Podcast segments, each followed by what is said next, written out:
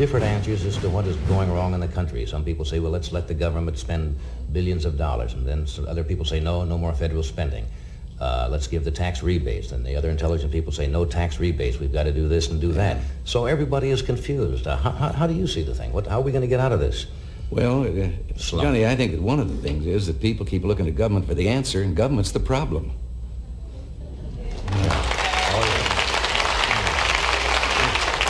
You, a moment ago, you, you asked, you know, about people and feeling not only confused, but right. low and, and down in America.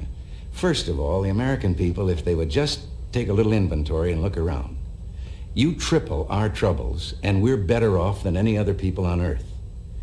And we've asked so much of government, and we've gotten in the habit over the last 40 years of thinking that government has the answers. There's very little that government can do as efficiently and as economically as the people can do themselves. And if government would shut the doors and sneak away for about three weeks, we'd never miss them. Now, the if, if the people Anybody you had in mind particularly? Ja, Ronald Reagan, dan nog gouverneur van Californië, te gast bij Johnny Carson, verreweg de bekendste talkshow-host van Amerika. Destijds natuurlijk sowieso, maar nog steeds legendarisch. En ook Ronald Reagan natuurlijk legendarisch. En ik laat het fragment horen omdat het me doet denken aan Mark Rutte, die natuurlijk gisteravond bij de heren van Vandaag Inside aanschoof. Zowel qua stijl als inhoudelijk deed Reagan me aan Rutte denken, of eigenlijk deed Rutte me aan Reagan denken. En dat laat ook maar zien waarom ook die uitzending van VI gisteravond voor Mark Rutte zo'n groot succes was ja, Rutte met Reagan vergelijken. Dat zal Rutte zelf denk ik erg leuk vinden. Die is natuurlijk fan van uh, biografieën van Amerika's uh, presidenten. Werd ook gisteren nog even benoemd uh, bij Vandaag Insight. maar waarom die vergelijking nu? Nou, om twee redenen. Eerst even, want ik krijg ook heel veel vragen van jullie over die uitzending. en wat ik daar dan van vond. Ehm, ik heb dat ook op Twitter laten weten. Er zijn tal van talkshows uh, waar de premier kan aanschrijven en ook in de afgelopen jaren, maanden en weken heeft aangeschoven. Hè. Traditionele talkshows als Jinek en Op1. Hij is natuurlijk ook regelmatig bij Buitenhof geweest. We hebben onlangs nog gezien dat Sven Kokkelman hem een uur lang interviewt en probeert door te zagen. Dat is allemaal goed, dat moet ook. Maar ik vind het heel verfrissend dat juist dan de premier ook een keer aanschrijft in een programma als Vandaag Inside, wat eigenlijk toch de voetbalkantine vertegenwoordigt. En hoe mooi is het dat de premier dan aanschrijft in die voetbalkantine. En uh, nou, we kunnen daar een hele lange analyse op loslaten. Uh, of dat wel of niet verstandig was van VI of van de VVD zelf. Uh, dat is denk ik maar voor, voor andere podia, dus niet voor hier. Ehm, wat, we daar, wat ik daar kort over kan zeggen is dat ik het nogmaals goed vind dat de premier zich ook in, juist ook misschien in de voetbalkantine vertegenwoordigt en laat zien en uh, de maat laat nemen. Uh, en ik denk dat premier Rutte daar goed uitkwam gisteren, maar dat is dan ook Ehm, eh, ja, eh, het eindoordeel na een ver gevecht. Ik vond de heren ook goed. Uh, Derksen liet duidelijk blijken waarom hij vond dat Mark Rutte moest stoppen. René van der Gijp ontregelde natuurlijk hè, met al zijn grapjes weer. Op een gegeven moment stond er zelfs een, een, een, een, een helm met een dildo op tafel. Nou, in welk ander land zou dat kunnen, zou ik bijna willen zeggen. Uh, en, en Gené was ook heel scherp. Nou, jullie, kennen mijn mening over Joop Knoester. Die is altijd unaniem een belachelijk groot succes. Was lastig gisteren, want hij zat natuurlijk aan de bar. En ik zit ook daar vaak aan de bar. Als je dan zo'n verhitte discussie aan tafel hebt, dan is het lastig om daartussen te komen. Maar ik denk dus een win-win situatie. Goed voor VI en goed voor de VVD, goed voor Mark Rutte. En dat is dan ook gewoon, ja, wat ik zeg, de uitkomst van een eerlijk gevecht. Dus dat, dat de premier hier mogelijk goed uitkomt en dat je dat vooraf al weet, is geen reden om het niet te doen, denk ik. Ze hebben wel gelijk dat het dan ook na de verkiezingen zou moeten uh, plaatsvinden. Ook. Uh, en dat gaat denk ik ook gebeuren. Het is niet gek natuurlijk dat de premier juist voor de verkiezingen ergens wil aanschuiven. Ik weet dat daar kritiek op is, maar dan denk ik, nou jongens, even nadenken. hello to reality. Natuurlijk wil de premier dat. maar dan zou die ook een keer na de verkiezingen moeten komen. En ik geloof ook dat die afspraak is gemaakt. Maar terugkomen op de vergelijking met Ronald Reagan. Want eh, daar kom ik op juist door het feit dat Mark Rutte daar dus goed uitkomt. En dat deed me denken aan Reagan, die ook natuurlijk uh, uh, ontzettend veel charme had en zich uit ieder interview wel wist, uh, ja, daardoorheen wist te slaan. Dit interview met Johnny Carter is er, Johnny Carson is er een voorbeeld van, maar er zijn eigenlijk weinig interviews geweest in al die jaren dat Reagan gouverneur en uiteindelijk acht jaar lang president is geweest, waar die niet goed uitkwam. Over, verschillende interviews gesproken, wat Reagan ook een keer deed, en ik beschrijf dat in mijn boek Nieuws als Wapen, is dat hij alle belangrijke nieuwsankers van de grote nieuwsprogramma's in Amerika uitnodigde in het Witte Huis om gewoon eens een keertje hem een uur lang te ondervragen. En die presentatoren moesten onderling maar uitvechten wie welke vragen wanneer zou stellen. Maar dat werd dan live op verschillende zenders uh, uitgezonden. En er zaten dus uh, bekende presentatoren van NBC, CBS, ABC en ook CNN, wat destijds net opkwam. En in dat kader beschrijf ik het ook in mijn boek. Uh, wat over de opkomst van CNN en Fox News gaat. Uh, en zelfs daar zie je dat Reagan eigenlijk geen één keer in de problemen komt. Dus we hebben het nu uh, over Mark Rutte die goed uit VI komt. De enige tip die ik dan zou kunnen geven is... laat Mark Rutte een keer in het katshuis geïnterviewd worden door... en Wilfred Gené en misschien Sven Kokkelman en ook Eva Jinek erbij. En eens kijken hoe dat dan gaat. Maar ook daar verwacht ik niet van dat de premier daarmee in de problemen komt. En dat zag je bij Reagan ook. Die was natuurlijk acteur van huis uit. Hè. Heel veel westernfilms gespeeld. In het verleden nog commercials opgenomen. Die wist heel goed een verhaal over de bühne te brengen, kalm te blijven, er een beetje humor in te gooien. En dat doet hij ook in dit fragment met Johnny Carson, hè, waar het eigenlijk gaat over de bezuinigingen die wel of niet moeten plaatsvinden. En het ene kamp zegt er moet meer geld in de economie, het andere kamp zegt we moeten bezuinigen. Nou, bezuinigen is natuurlijk vaak over op, op overheidsdiensten bezuinigen.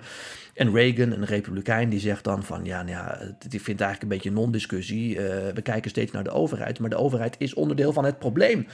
En dat is natuurlijk waar Reagan later, hè, want dit is een fragment uit 1975, waar hij later in de jaren 80 uh, zijn politieke uh, carrière verderop heeft uitgebouwd. Hè. Uh, hij is de Republikeinse president geweest die de overheid wilde ontmantelen en eigenlijk veel kleiner wilde maken. En nou, los dus van het feit dat Reagan, net als Teflon Marx, zoals hij natuurlijk wel eens genoemd wordt, eigenlijk altijd overeind bleef in interviews. Net als onze premier dat momenteel heeft eigenlijk een beetje onaantastbaar uh, is. Inmiddels boven de partijen staat als, nou, we kunnen hem bijna niet van zijn sokkel uh, afduwen. Um, zie ik ook een inhoudelijke overeenkomst. Want Mark Rutte zei dat gisteren ook een beetje bij Vandaag Inside. Continu als dan gevraagd wordt van, nou ja, hè, er gaan dingen mis in Groningen. Er gaan dingen mis met de toeslagenaffaire. In Limburg gaan er dingen mis. Uh, ja, hoe kijkt u dan naar uzelf? Uh, zijn er dingen waar u wel trots op bent? Hè? Vraagt Wilfred Gené op een gegeven moment. En dan zie je ook dat hij teruggrijpt naar, ja, maar we hebben het gewoon ook ontzettend goed hier. Er is werk voor iedereen die dat maar wil. Hele lage werkloosheid. De economie gaat als een tierenlier beter dan andere landen. Heb ik niet gedaan, hebben we met z'n allen gedaan. Hè? Dat zegt hij er ook altijd maar bij. En ook dat uh, doet me denken aan Ronald Reagan, die dat hier in feite ook uh, zegt. Hè, van ja, er zijn problemen. Er was toen Reagan hier in dit programma aanschoof, een republikeinse president ook.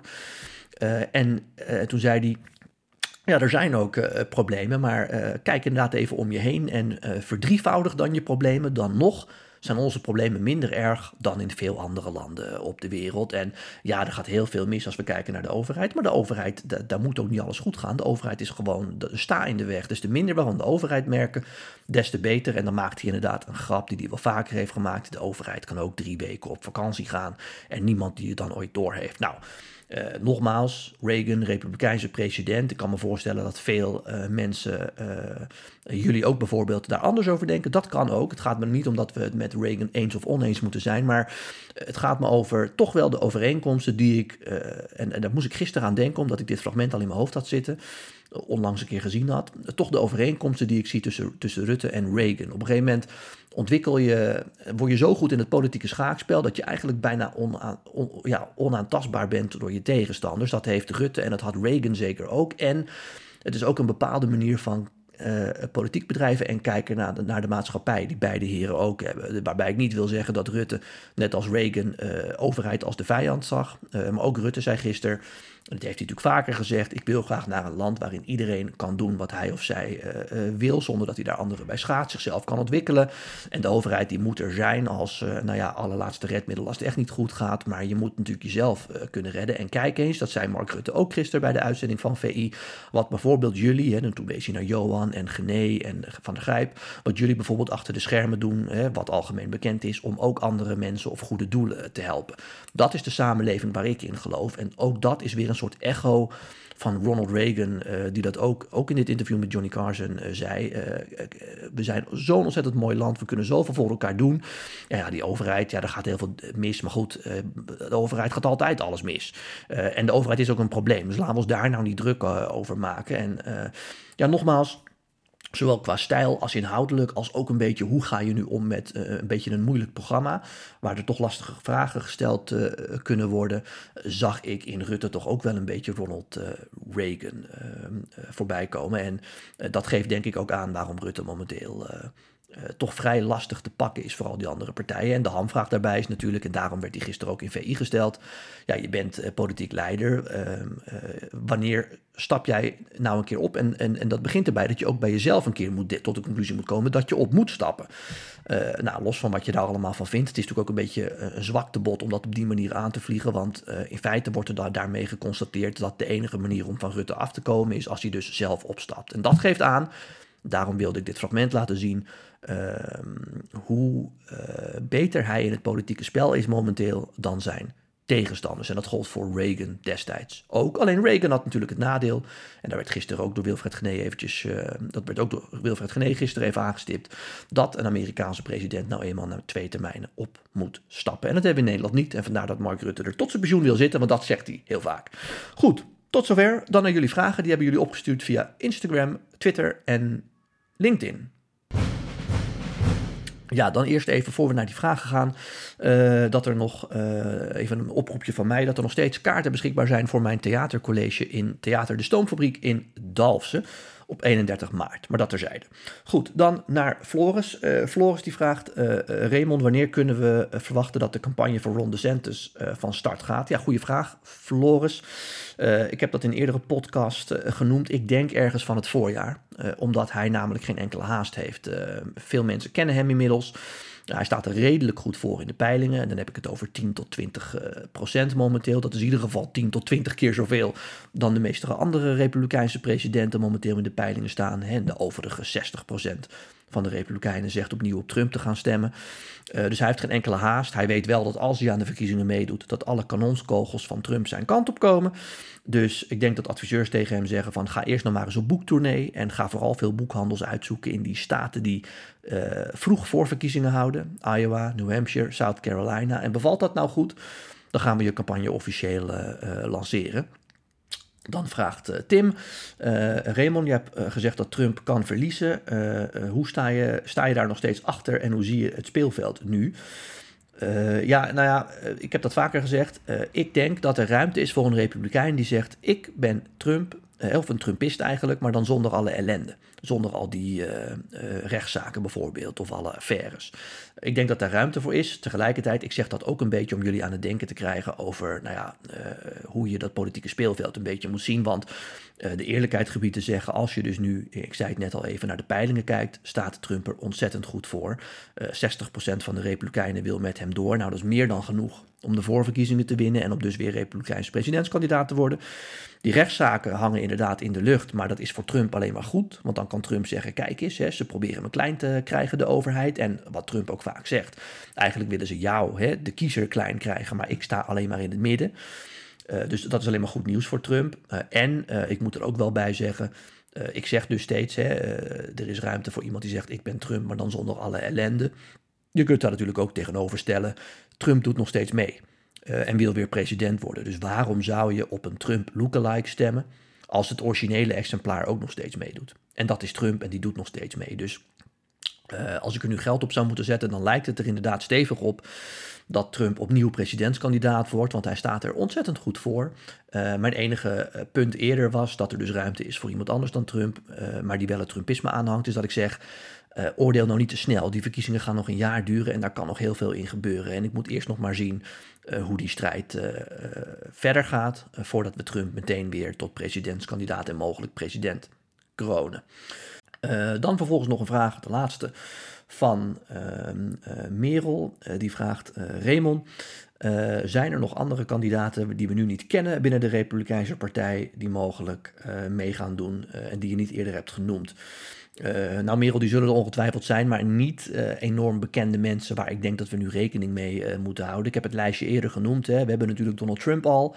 Nikki Haley doet al mee. Ik denk dat Ron DeSantis waarschijnlijk mee gaat doen, maar een hele kleine slag om de arm dat hij misschien denkt, nou, ik zie geen enkele mogelijkheid om hier iets succesvols van te maken. Dus ik wacht toch nog even en ik wil niet al die Trump-stemmers tegen hem in het harnas jagen. Het lijkt erop dat hij mee gaat doen, maar zolang het nog niet officieel is, laten we even slag om de arm houden.